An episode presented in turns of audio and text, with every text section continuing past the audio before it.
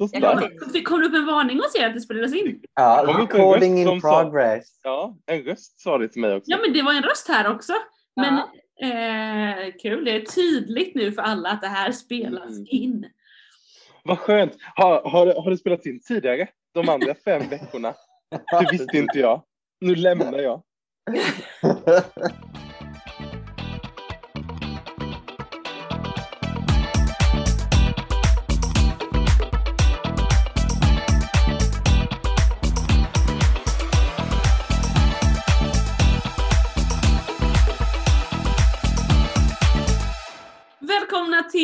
Fidos slager. Det är jag som är Fido och med mig har jag Peppe, Jakob och Johannes. Välkomna, välkomna. Hej! Tackar, Hallå, tackar. hallå. Och hej alla lyssnare! Vi har massor att prata om idag. Vi ska prata om resultatet i Eurovision Song Contest 2021. Och vi har ju ett resultat. Det Wow. hoppas Visst har vi det? Jag hoppas ju att alla vet om nu. Jag tycker ändå det känns som att jag har fått prata, kanske var jag träffade ganska mycket folk i, i söndags. Men det var många jag fick liksom prata eh, resultat med. Så det känns som att de flesta vet om att Eurovision har varit, Italien har vunnit.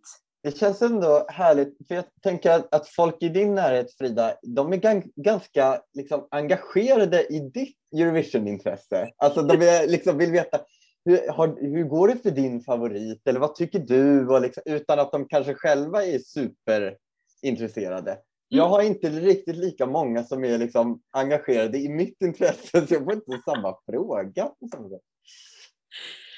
Ja, nej men det är sant. Det är många som så här, de, de vet att jag tycker om det och därför frågar de. Och nu fick jag ändå... Och sen tror jag, en del har ju lärt sig att när man trycker på knappen så stoppar det inte. Och i år har jag nog varit extrem. För att man inte, jag har inte haft det här naturliga lunchrumssnacket. Utan nu när jag väl har träffat folk så jag bara, hörni, nu, nu pratar jag lite Eurovision här, nu är ni med på det va? Typ. Och så maler jag på liksom. ja, det är underbart. Men, eh, men vad, vad tänker ni om, vi har ju massa saker vi ska prata om, men om vi bara börjar i så här. Italien vann, vad tänker vi om att, att Italien vann? Jag tycker det var en värdig vinnare. Det var en av dem eh, som ändå har varit favorit, favorittippad. De höll. Eh, jag kan erkänna att det var inte min personliga favorit. Den, det var inte min, den bästa låten enligt mig. Men jag tycker det är jättefantastiskt att tittarnas låt fick vinna. För den här fick ju faktiskt flest röster från tittarna. För så är det inte alltid. Eh, ibland är det Ja men eh, Duncan Lawrence för något år sedan, han fick väl inte flest röster för, från tittarna för det fick Keino. Eh, men han vann ändå för att det var sammanlagt eh, mest från både jury och eh, tittare. Så det, men det var väl härligt att ni, fått, ni fick tittarna faktiskt bestämma. Ja, och jag vill ju också bara säga, vad var det jag sa? Vad var det jag sa? Jag har sagt det, jag har sagt det till så många.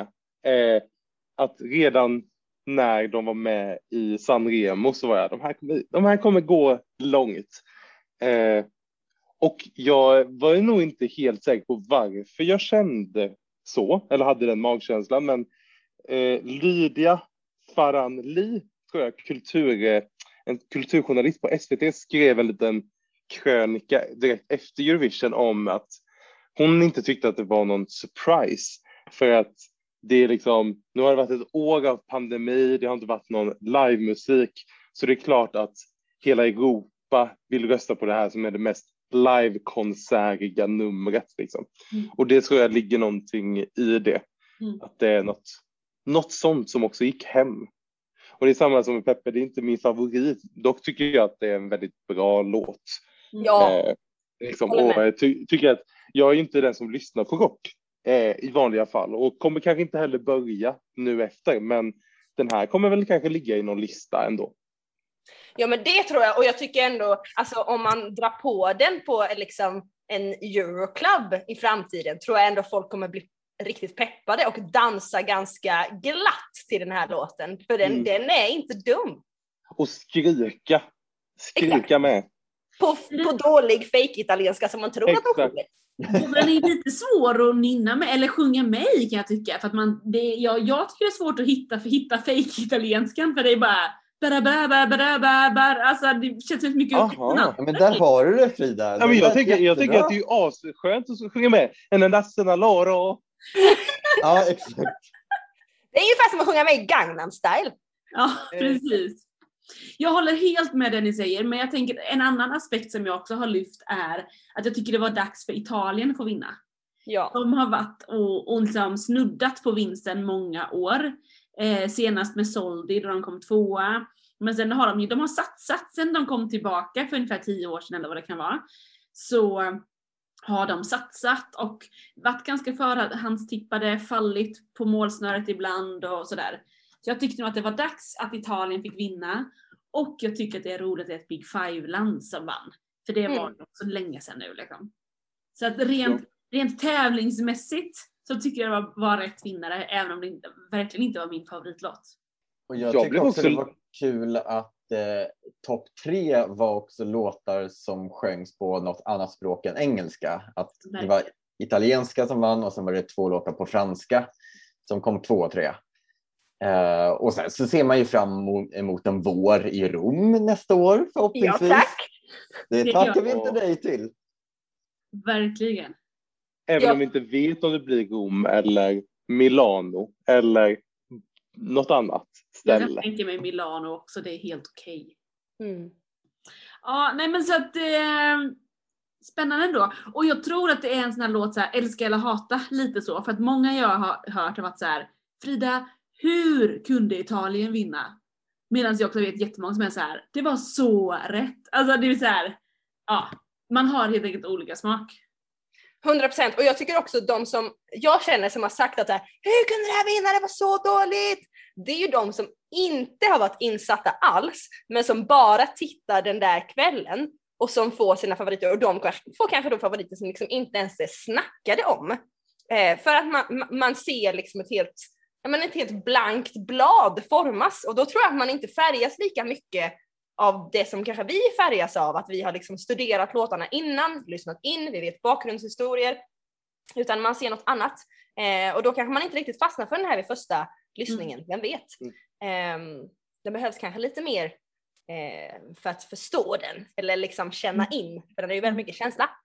Sen tycker jag också det är roligt att det är en annan genre som vinner. Att det, hade till exempel Schweiz vunnit hade det ju varit ganska likt det som vann senast. Nu Mm. får vi något helt annat. Absolut, absolut. Men vi har ju touchat vid så här, resten av toppen. Vi har ju Frankrike som tvåa, Schweiz som trea, Island fyra, Ukraina femma, Finland sexa. Det är typ Finlands näst bästa resultat någonsin. Det är ju fantastiskt roligt. Wow. Ja, Men- de måste vara glada finnarna.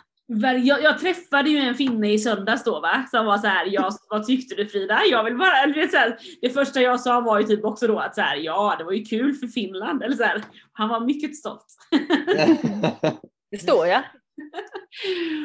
Men eh, det är ju inte jätte, det är ju ingen som skrällde i topp fem liksom. Det var en ganska så förväntad topp fem. Ja, alltså, eller det, det är som Peppe sa, det beror ju på hur, eh, hur eh, mycket i försnacket man har varit med. För Ukraina måste vi ändå bara prata om vilken resa de har fått göra. Absolut. Från att vara liksom tippade att inte ens gå vidare från semifinal innan repen drar igång till att hamna på femte plats. Och jag tror få näst flest poäng från eh, tv-tittarna. Italien 318, eh, Ukraina 267. Mm. Det är otroligt starkt. Det är det, absolut. Eh, och, men det som kanske är mest förvånande är ju att Malta kom först på sjunde plats, alltså efter både Finland och Ukraina. Och där har jag en teori. De föll eh, genom stolarna, höll jag på att säga. Nej men de, deras låt var för lik både Cypern, Grekland, eh, ja främst de två. Det var för många, liksom, i, och eh, ja, Moldavien också. Det var för många i samma genre, tjejer med kort silvrig kjol eh, eller annan färgglad kort klänning eh, som sjöng liknande poplåtar. Och då glömdes de nog kanske bort lite. Hade de varit med ensamma hade det kanske gått bättre. Jag tror det ligger väldigt mycket i det där. Men det kan ju också vara kul att kika på botten av resultatlistan. Där vi då på 26 plats har eh, Storbritannien, 25 plats Tyskland, 24 plats Spanien. Alltså, vi har alltså två Big Five i toppen, tre Big Five i botten. Det är inte ens mellanmjölk i år, liksom, utan det är verkligen liksom toppen och botten är Big Five. Och sen så har vi då värdlandet som plats nummer 23, Nederländerna. Men jag, var det inte knäppt att när de räknar upp eh, poängen från folket så är det noll poäng till de tre, fyra i botten? Jo. Eh, Alltså det var ju, det, var- alltså jag tänkte ju, visst det är någon som får noll poäng, men att det var fyra i rad som får noll poäng. Alltså man, jag hoppade i- upp i soffan, vad är det som händer? Ja. Ja, men det måste ju vara något slags nytt rekord va? Eller? Ja, ja, det, det har aldrig hänt förut. Nej, Ja. men det, det är faktiskt helt sjukt och jag tycker nog att den mest förvånade där är just Nederländerna. Att de inte fick någonting från Ja. tittarna. Eh, det var ändå min syrra vet jag röstade. Alltså det, det är liksom, jag vet ändå folk som har röstat på den och då blir jag också såhär, men, men hur? Jag fattar ju att det, Ja. är, det, kan, det är folk som har röstat på fler, andra låtar med. Men, Men, men, men, det är, jag tycker det är för, jätteförvånande. Men det säger ju också att väldigt många har röstat på de andra låtarna. Alltså folk har varit väldigt Mm. engagerade i de andra låtarna och röstat mycket på dem. Ja men det var ju ändå så att när man märker att det är fyra länder som får noll poäng så inser man ju att okej, det är några länder som får väldigt mycket poäng. Alltså att det är några länder som faktiskt har dragit ifrån. men jag har nog inte tänkt på det tidigare, men även i Eurovision så är det ju så att varje land ger ju poäng till, vad blir det, alltså sin, hur många låt, är det, är det åtta låtar som får poäng från varje land? Yeah. tio lå- låtar. Eh, så det är ju så, så det blir ju inte att alla länder, alla länder eller att, att Sverige då får, ger poäng till alla länder i någon Mm. slags skala. Och då, då kanske det blir lättare att se att ja, om då Storbritannien och Spanien och Nederländerna ska eh, stå sig mot alla andra länder, ja men då kan jag ju ganska lätt hitta en annan topp 10 där inte de här platsar in liksom Mm. i år. Precis, det är ju liksom 16 länder. Alltså, skulle alla länder rösta identiskt så skulle det vara 16 länder som får noll poäng. Så Mm. det, fin- det är ju ändå en, en ganska stor chans att ja, man inte Någon får något noll. poäng. Ja, precis.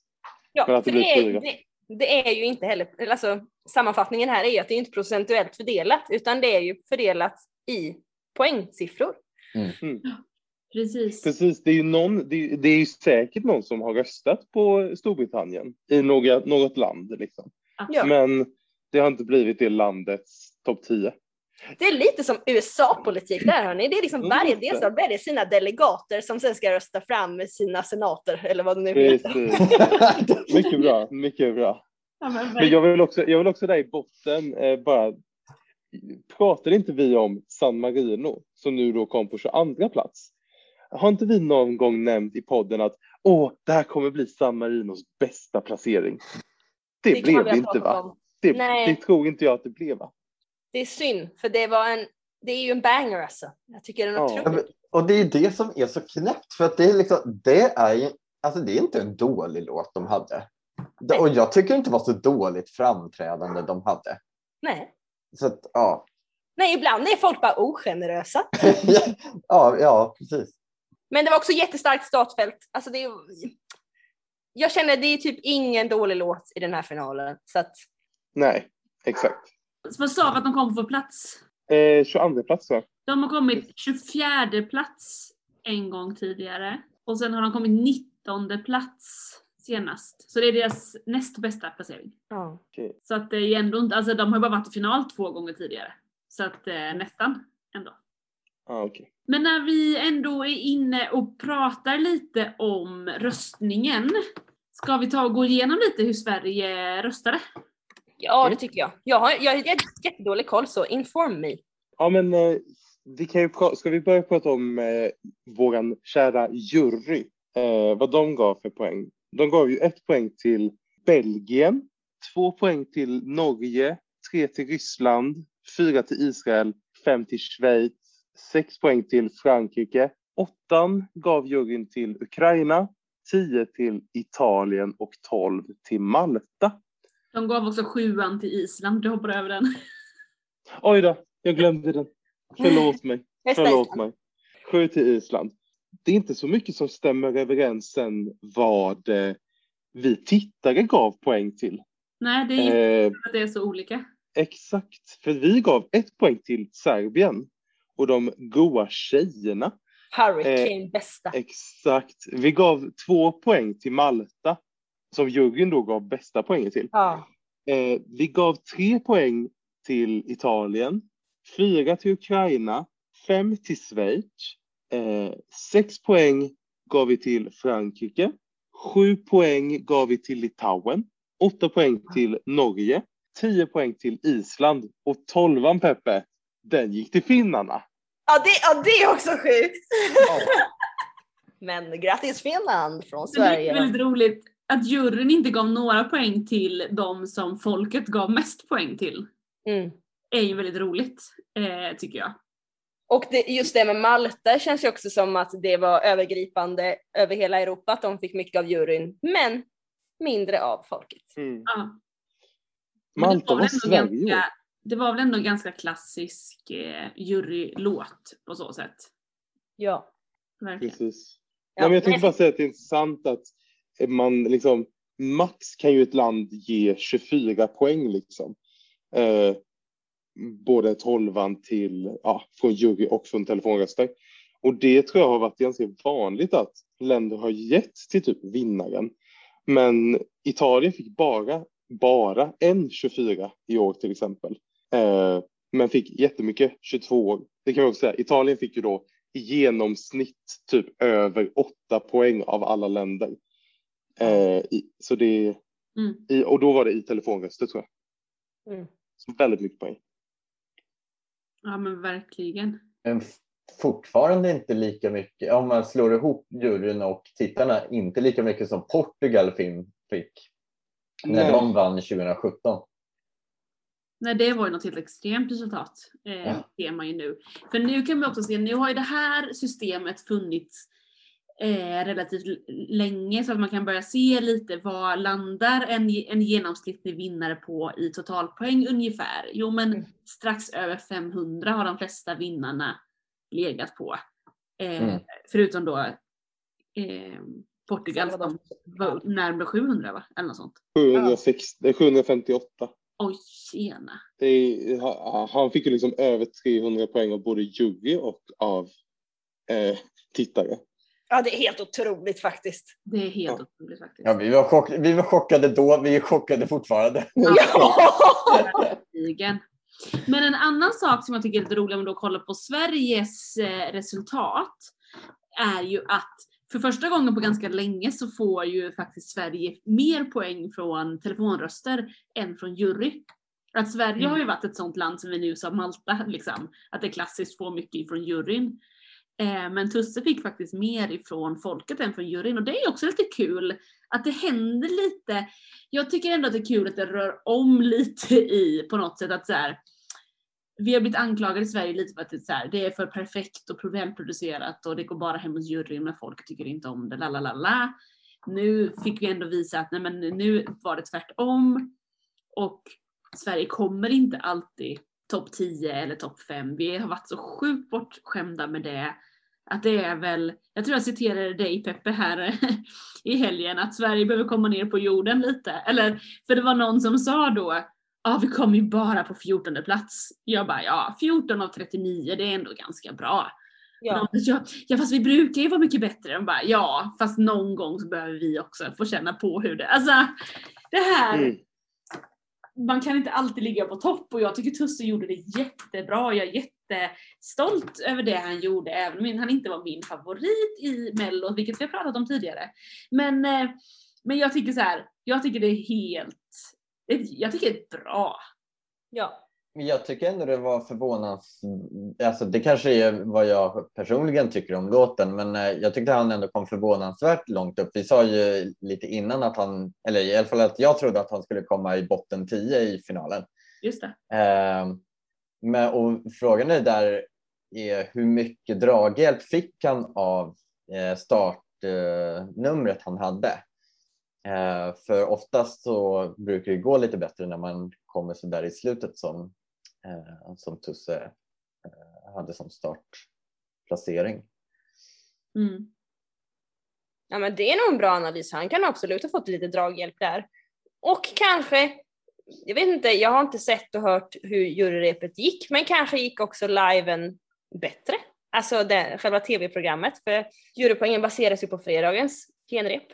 Och kanske var han lite, för jag tycker han satte låten, numret, som en smäck. Ja. Eh, varenda tonsats, som det inte riktigt gjorde i semin. Eh, så att han ska vara jättenöjd. Och jag tycker det är helt rätt att Sverige inte är topp 10. Verkligen. I år var det många som skulle vara över oss. Så är det. Mm. Ja, och jag tycker så sy- synd om honom att han bara, jag vill ändå komma topp 10. Jag, var, jag vill inte göra någon besviken. Man bara, du gör ingen besviken Tusse. Du har gjort ett jättebra jobb. Ja, Verkligen.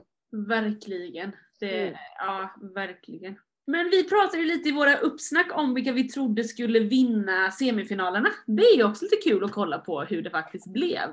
Kommer ni ihåg vad vi sa på eh, se, första semifinalen? Vilka vi trodde skulle vinna? Pratar vi om Malta?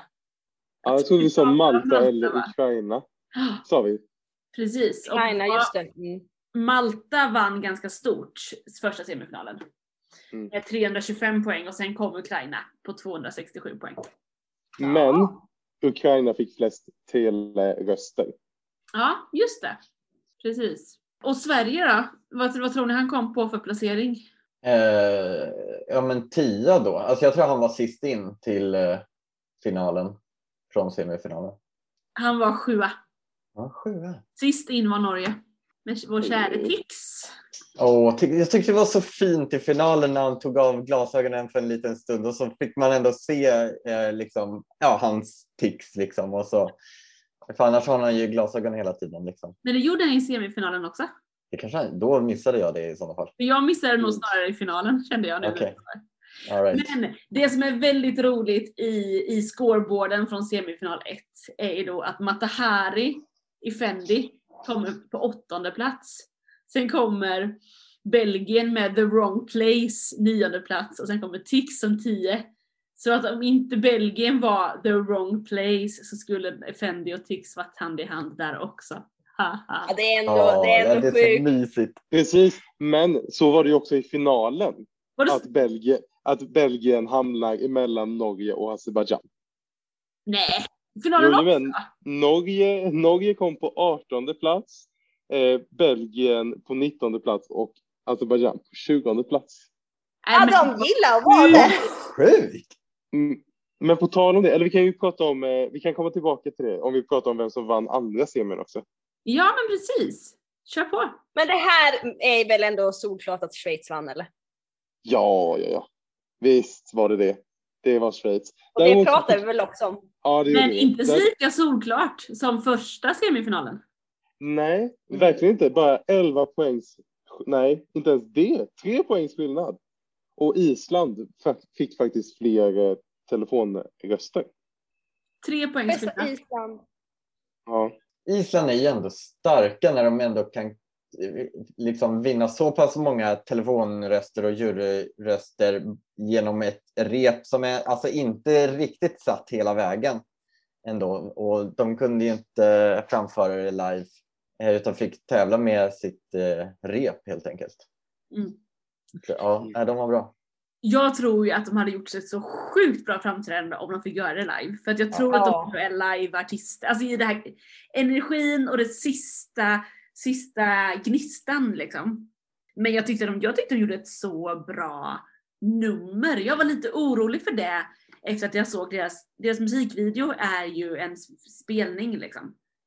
Och jag tyckte nog att det var lite lamt och lite tråkigt. Ja, den är jättelång. Det är söndagsöppet varning på den alltså. Eller hur? Och, men sen när man såg vad de gjorde på scenen blev jag så här: yes! De lyckades! Det tyckte jag var roligt. Vad garvar du åt Jakob? Nej, för att eh, det där att du sa söndagsöppet varning. Du, du bara satte ord på allt jag har känt om den där låten. Jag vet att jag i något avsnitt sa så här, ah, men det känns som de står och spelar i bakgrunden på en restaurang, men det är inte alls det jag har menat. Det är söndagsöppet jag har menat. Och jag älskar ju det. Men en Älskar du söndagsöppet? Du var väl fem år när det gick? Max? Ja, men vadå? Man kan väl älska saker när man är fem? Du och Uffe Larsson. Uh. Det var programledaren för Söndagsöppet. Hej. Men något Men- som är intressant tycker jag när man kollar i semifinal 2 resultatet är ju att Finland kom på femte plats med både Portugal och Bulgarien före sig. Men i finalen så ligger Portugal och Bulgarien bra mycket längre ner än vad Finland gör i res- resultatlistan. Precis, det tycker jag alltid är spännande när man kan, när man kan börja fläta ihop de här semifinalerna och se vad som har hänt på så få dagar liksom. För det är ju samma sak med Malta. De borde ju ha hamnat efter, det, om det var då det bästa landet i semi 1 så borde ju det ha varit det bästa landet av semi 1-finalisterna. Men det var det inte. Den, eh, den, den tog Ukraina i finalen. Ja, Men, Och och det är tycker jag, det finns väl två olika alternativ. Antingen ha en låt växt under dagarna. Eller så är det också så att det är dubbelt så många länder som får rösta i finalen. Precis. Och då kan det ju vara så att då är det några länder som inte fick rösta i semifinal 2 men som verkligen älskade Finland och nu passar de på att rösta i finalen istället. Exakt. Sist i andra semifinalen var Albanien som kom och de som blev snuvade liksom på, på finalplats var Danmark. Mm. Eh, som Alltså fatta ändå vilket starkt nordiskt år vi har i år. Alltså de var ju nära på att komma med. Då hade vi haft fem nordiska länder i finalen. Hade det hänt på hur många år? Vet inte. Nej. Måste Minns inte, jag minns bara när det var något år det bara var Sverige i final av de Ja. nordiska länderna. Då var man ensam. Då var man. Ja, då... Solo. Det som är bra då är att man vet att man får mycket röster för att det finns inte av de andra nordiska länderna. Precis. Just det. Nej, men nordiska länder röstar ju aldrig på varandra. Nej, nej, nej! Säger hon Nej, nej. som för första gången röstade i en Eurovision-final på hur länge som helst och röstade på Island. Ja, det, du ser. Okej hörni, men en sak hörni jag skulle vilja diskutera, det är the big five-upplägget. Hur länge ska det vara tillåtet för de här fem länderna, varav eh, då, vad blir det, 70 procent eh, ofta kommer i botten eh, på finalerna och kanske till och med då få mm, totalt noll poäng. Jag tänker att här borde det vara ett wake-up call. Vi borde, eh, liksom Big Five själva borde vakna och tänka, aha, det kanske inte är jättebra för oss att vara i finalen. Vi kanske är bättre att vi är i semifinal så att vi får anstränga oss lite så vi faktiskt tar oss till final. Men tror du att Storbritannien skulle skicka något annat om det var så att de var tvungna att tävla i en semifinal?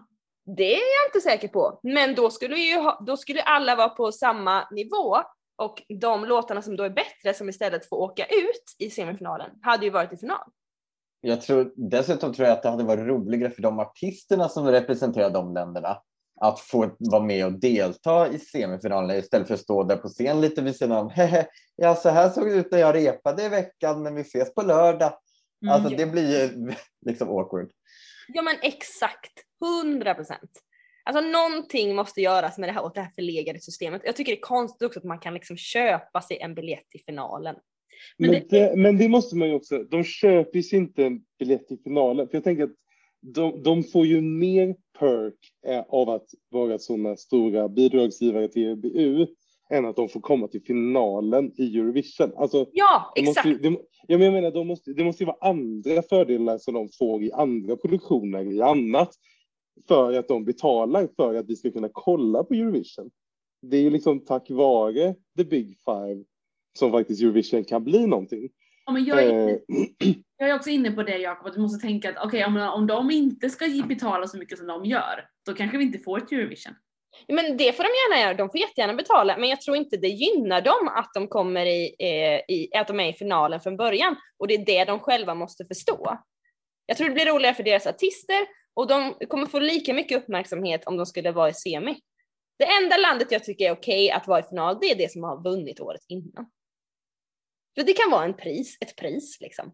Det, här vann du. Du vann finalplatsen, tack så mycket. Men sen att ehm, vara direkt i final och då, så, precis som du säger Jakob, eh, Johannes, stå liksom och bli intervjuad eh, mm, liksom lite torftigt eh, på den där scenen. Nej, jag, jag tycker att det det känns mer rättvist och det känns, eh, jag tror det blir bättre för, för även artisterna eh, och deras delegationer om de får liksom vara med på samma sätt som alla andra på samma villkor. Det är min åsikt, men ni kanske tycker Jo, men, annorlunda. jo, Jag alltså, håller jag, med jag, helt jag, tror och att jag, tycker, jag tror att jag tycker som du, men jag tror inte att det kommer förändras. Men också av samma anledning att jag tror inte heller Storbritannien att de skulle, om, om vi säger nu att Eurovision-produktionen säger ja men nu har vi bestämt oss för att ni inte får komma direkt till final i Eurovision. Då har jag väldigt svårt att se Storbritannien eller Tyskland stå där och bara nej då kommer vi inte skicka pengar till er. För jag tänker att det finns annat som de får ut av att skicka pengar, så mycket pengar Ja. till EBU. Och sen kan man ju också tänka, ja men om de inte får massa annat för att skicka pengar till EBU, ja då kan man väl unna dem som ett litet tack. Istället för att skicka en fruktkorg Ja, så skickar vi en finalplats till dem. Alltså, det. Ja. vi, vi, kanske får, vi kanske får gräva oss djupare in i det här och se vad de faktiskt får ut av de där pengarna Mm. som de ger oss. Just det. Ja men det, det kan man absolut göra, det håller jag med om. Och sen tycker jag också att så här, det är, jag tänker ändå att det blir ett mindre fiasko för till exempel Storbritannien att åka ut i en semifinal än att få noll i finalen. Precis. Det kanske, det kanske också är så här att, ja men, jag vet inte när det var, ja men förra gången det var någon som fick noll poä- poäng, var det inte Tyskland? De sa Säkert. Jo, Germany, I'm so sorry, zero points, sa de Ja. den gången. Eh, och absolut, det kanske också får slut på nollpoängsgivandet i finalen. exakt. Eh, och så behöver man inte oroa sig för det, det lilla jobbiga momentet när alla ska tycka synd om Storbritannien för en sekund. exakt. Ja. De, Storbritannien har kommit sist nu, två år på raken. De har det inte lätt. Men det är ju, det är ju fascinerande. Nu, nu spinner jag här för nu har jag gått in på resultatlistan på Tyskland, eller på alla Big Five-länder. Tysklands, om jag går från i år och räknar neråt, så i år 25 plats, förra året, eller för två år sedan då, 25 plats. Innan det fjärde plats. Men innan det 25 plats, innan det sista plats, innan det sista plats, innan det 18 plats, innan det 21 plats. Det är ingen liksom bra... Men de vann ju 2010. Alltså, Ja. de kommer och glänser ibland de här. Nu, nu i It- Italien glänser ju i år definitivt och var ju tvåa då för två år sedan. Så, och så Tyskland för tio år sedan. Så ibland så bara sticker de till och gör Ja. något superglänsande. Men ofta så, Italien har ändå under de här tio åren, 2011 kom de tillbaka till tävlingen. Och sen dess har de ändå haft två silverplaceringar, en bronsplacering och en vinst. Ja. Det är ju ja, det är ändå otroligt starkt. bra. Ja, faktiskt. Inte bara för att vara ett Big Five-land utan överhuvudtaget. Mm. Absolut. Ja, wow. Ja, nej, men det är dags. Alltså jag förstår Peppe hur du tänker, men jag tänker också att, eh, att undra hur man skulle kunna säga till dem att hur kan vi tacka dem då för den stora summan pengar de ger in i det här kalaset på ett vettigt sätt? Just det. Men jag undrar också, hur mycket, hur mycket mer pengar kan de ge då? Alltså, nej, okej, jag menar, det här känns att det här... Jag tycker, jag, tycker vi skickar, jag tycker vi skickar vår ekonom Johannes till att räkna, till att läsa revisionsberättelsen eller någonting. Åh, finns det no- ja, det är klart de borde ha. Har de en offentlig årsredovisning? Det- Ja, nu Ja, men det måste, ja, Det det borde de ju EBU, ha. EBU borde vara offentlig sektor. EBU Annual Report. Åh Då gud, det vet här vi är vad så Johan- bra. Yes, Nej, men då vet vi Johannes. vad Johannes ska läsa i natt. Kvällslektyren. Så bra. Nej men alltså, eh, eh, det här känns som att det är mer politik. Men om jag tänker för programmets skull så eh, vore det nog bra om de var i semi istället. Det är lite som att det likadant som att det är dags för Eurovision att förändras i det här så är det som att det är dags för Melodifestivalen att också göra något nytt. Nu, nu har det varit 20 år av samma koncept. Det är också dags att förändra. Nej men absolut, jag tänker precis, för tävlingens skull så kanske det känns ju ofräscht att ha det där, att man vet att de ska komma sist och att det delas ut noll poäng till samma länder år efter år. Det är ju verkligen, verkligen, Och det är trist. det är trist. Det är det. Ja. Alltså något annat tokigt som hände, ehm, det är inte så trist. Eller jo, det är faktiskt trist, det tycker jag faktiskt. Men det är ju, vi måste ändå diskutera lite där, presskonferensen. Ja. Efter eh, Måneskin, fantastiska, fantastiska bandet Måneskin eh, vinner Eurovision så är det ju en stor presskonferens, jag har tittat igenom hela. Och jag visste ju att någon journalist hade ställt frågan liksom om och ifrågasatt då den här memen som säkert många har sett, eller bilden där det ser ut som att eh, Damiano, sångaren, eh, snortar någonting. Eh, och då var det ju någon journalist som var tvungen att ställa den här frågan. Och när jag gick in på Youtubes och såg presskonferensen så såg jag att där sitter en person med en liten keps, en röd stor keps. Och så tänkte jag i mitt lilla, lilla huvud, det är säkert han som ställer frågan om eh, knarket. Och tre frågor in i presskonferensen, då reser sig Tobbe Ek från Aftonbladet och säger You you take drugs in your green room. Hello, thank you, bye. Nej, nej, nej, nej, nej, nej. nu måste jag försvara Tobbe Ek här. För, för jag tycker ändå att det var bra att Tobbe Ek ställde frågan. Men mest för att dels tänker jag, han hade sett att det börjar spridas på nätet att folk skriver de tog droger i green room. Mm. Och jag tycker det är ju inte schysst att det sprids sådana rykten. Då är det väl bättre att man ger chansen till dem och säga nej det stämmer inte. Sen tänker jag såklart, de hade väl sagt nej det stämmer inte även om det stämde kanske. Jag vet inte. Eller alltså, men, men jag tänker ändå att, så här, att han, man måste ändå gå till, till eh, källan av ryktet. Och det gjorde han.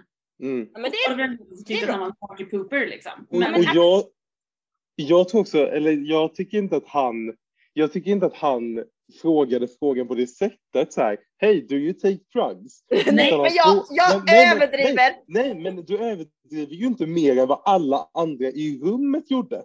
För att han frågade, det här ryktet har gått runt och jag vill bara att ni ska få förklara er liksom.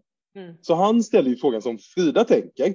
Hela rummet typ börjar gaspa och bandet blir assura och eh, speciellt sångaren. Och sen så säger de som är moderatorer bara, ja vi måste hålla oss till att bara prata musik. Det blir liksom rabalder att, att han faktiskt ställer frågan på det sättet. Däremot tycker jag att Victoria som är då basisten i bandet och som jag tycker typ ledde den där kom, eh, presskonferensen. Hon var så Hon- bra. Men hon sa ju faktiskt när Tobbe, när Tobbe typ, när de har stängt av hans mick och han ropar typ But I think that you have to, that I think it's good for you that you answer this question. Typ. Så säger hon någonting att hon faktiskt håller med om att det är bra att vi får säga att vi inte tar droger. Typ. Men då är redan, då är redan hela liksom, eh, ja, hela rummet har gått vidare. Typ.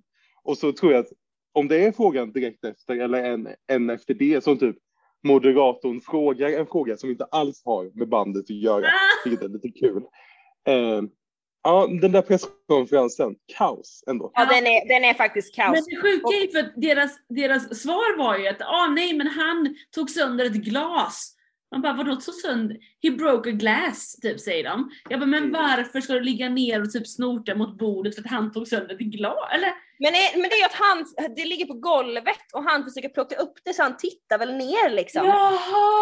Ja. Ja. För jag fattade inte ens hur det ens skulle förklara frågan. Jag, Mm. ja, men Nej, men jag, ja, jag tycker det tråkiga med det här är, eh, det är egentligen inte Tobbe Eks fråga. Jag, eh, jag kräddar honom att han vågar ha ställt sig upp och Mm. ställa den här frågan för att han blir ju utpekad av mig och av alla i he- hela rummet. Eh, så jag, våg, jag, jag kräddar honom för att han har tagit på sig journalistrocken som man säger när Mm. man pluggar journalistik. Man ska inte tänka att det är inte jag som ställer frågan utan det är journalisten som ställer frågan. Ja. Eh, men med det sagt så tycker jag att Tobbe det är. Ek, Ja. Tobbe Ek, Sveriges enda journalist. Just det! Eh, det kan vi prata om eh, off eh, record sen. Men hur som helst, det, eh, nu kommer jag av mig lite här. Jo, det tråkiga är, tycker jag är att det här ryktet sprids överhuvudtaget. Och att det är bara för att de är ett rockband. Hade det varit Tusse som hade lutat sig ner sådär hade ingen någonsin Nej. sett det som att han satt och snortade eller Maltas Destiny eller vad som Nej. helst. nej. Och det tycker jag är jättedeppigt. Jag hörde också, jag vet dock inte varifrån jag hörde det, men att det här ryktet då på Twitter startades av ett franskt fankonto. Eh, som då ett försök att få bandet diskat så att Frankrike skulle vinna. Och det gör ju också att man så här, ja, kan ifrågasätta, ja men ska man, ja, de accuseringarna och, och att Mm. bandet ska behöva svara på sådana rykten som sprids för det. Och också så här, lite bara, ja men det här är ett rykte, kolla han snortar. Men då blir jag så här också, men hur dumma kan man få vara? Alltså, det är en superstor arena. Hur har de fått in knark Nej. i det här? Och, och hur kan de sitta framför liksom deras chef som är delegationsledningen i Green Room och snorta utan att, visst det är Italien om man eh, vill skämta i det här, eh, maffia och så vidare. Men det är liksom, det är klart att inte delegationschefen skulle gå med på att deras lead singer sitter och tar kokain. Nej men självklart inte. Ja, men alltså, Nej, det, så det är därför jag också blir lite så här, ja det är bra att, att, de, liksom, att det här får redas ut, men det är också lite så här, det är nästan för dumt. ja. Och jag tror, jag tror nog att det är det som gör mig också frustrerad. Att jag, jag så här, som sagt, cred till Tobbe Ek som vågar ställa den här frågan, men jag tror också att det är att det, det blir vatten på kvarnen. Det, Mm. det, det, det, liksom, det gör ju också ryktet större. Eh, än vad det annars kanske hade blivit. Det kanske hade hållit sig till Twitterkanaler annars. Eh, och det kanske hade räckt, men nu blev det liksom, i och med att han var tvungen att svara på den här frågan så sprids också det. Han bara, är också ganska, man ser ändå att han är lite full och sitter där och eh, bara, I don't do drugs! Alltså det blir, det blir, jag vet inte, det blir en konstig, eh, ehm, det blir ännu mer meme-material. Precis. Och sen nu, nu vet vi att han är ju inte straight edgare för att han eh, är ju, var ju full. Men Ja. om, han, om han har någon slags pride i att han är rockmusiker som inte använder droger, förutom alkohol då, så eh, kan jag också förstå hans, att han blir stött av det, att han blir upprörd bara, ja men anklagar du mig för någonting som jag liksom står så hårt för att jag aldrig kommer göra typ. Mm. Eh, Eh, och det blev ju, han har ju tagit ett frivilligt drogtest och nu är det, var ju det ju negativt då så att han kan ju ändå visa. Men det är ju också märkligt, jag läste någonstans att Frankrike har inte erkänt dem som vinnare förrän de fick se testet, resultatet. Typ. Bara, Men, alltså, Skämtar Alltså, du? ja, men det var någon sån där artikel man bara, men att man kan ju också välja att bara ta det på en liksom rimlig nivå liksom. mm. Ja. Jag vill bara säga, grattis Italien! Grattis Ja. Italien! Ska vi säga något om programmet generellt? Alltså programledare, upplägg? Nej. Nej. Kan- Det var tråkigt. Ja, visst var. Ganska lam. ja. Jag tyckte dock det enda coola tyckte jag var när de gjorde det här eh, virtual reality vill jag kalla det. Men det här med att scenen såg ut som att den var på bron. Ja, det var coolt. Mm. Det var coolt. Verkligen. Men det behöver de inte få cred för i podden. Ha, nu går vi in i den årliga PEDn, Post Eurovision Depression. Jag tänker, eh, Peppe, Jakob, Johannes, ge mig er varsitt bästa tips till alla lyssnare. Hur ska man klara av denna PED? Titta på ett gammalt Eurovision-avsnitt. Eh, Alltså det är faktiskt, vi hade städdag inte allt för ofta i det här hushållet, men då körde vi igång Eurovision och bara något år, något random år och bara vi tar finalen här, tjong. Bara, ja just det, den låten, nej men de där och de, ja, åh nej, de här var dåliga, de var bra, åh, och så massa minnen på det. Bra, bra tips. Jakob? Mitt te- tips, mitt tips är att gå in på, om man har någon favoritartist som var med det här året eller något annat år, men vi säger det här året. Gå in på dens Spotify eh, och lyssna på låten som den hade med i år och musik den har släppt runt om. Då får man liksom både en känsla av att Eurovision är kvar, men det finns också så mycket mer som man har fått uppleva med hjälp av Eurovision. Grymt ju. Utöver de två så tycker jag att när covid-restriktionerna börjar släppa och man får bjuda hem folk, dra hem lite folk och ha en Eurovision-kväll. Där man kan lyssna på musik och man kan titta på något gammalt, alltså en kombination av det som Johannes och Jakob precis berättat. Och mitt tips är att lyssna på alla Fidos schlageravsnitt som ligger uppe på din podcastspelare. Så får du umgås med oss. För nu tackar vi för oss och vi dyker väl upp när det börjar snackas mello igen helt enkelt. Så tack för den här säsongen. Tusen Tack tack för att ni själv. lyssnade! Ha det så bra.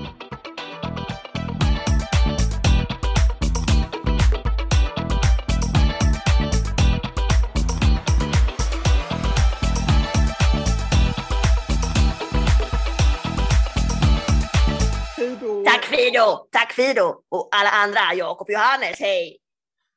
Och lyssnarna.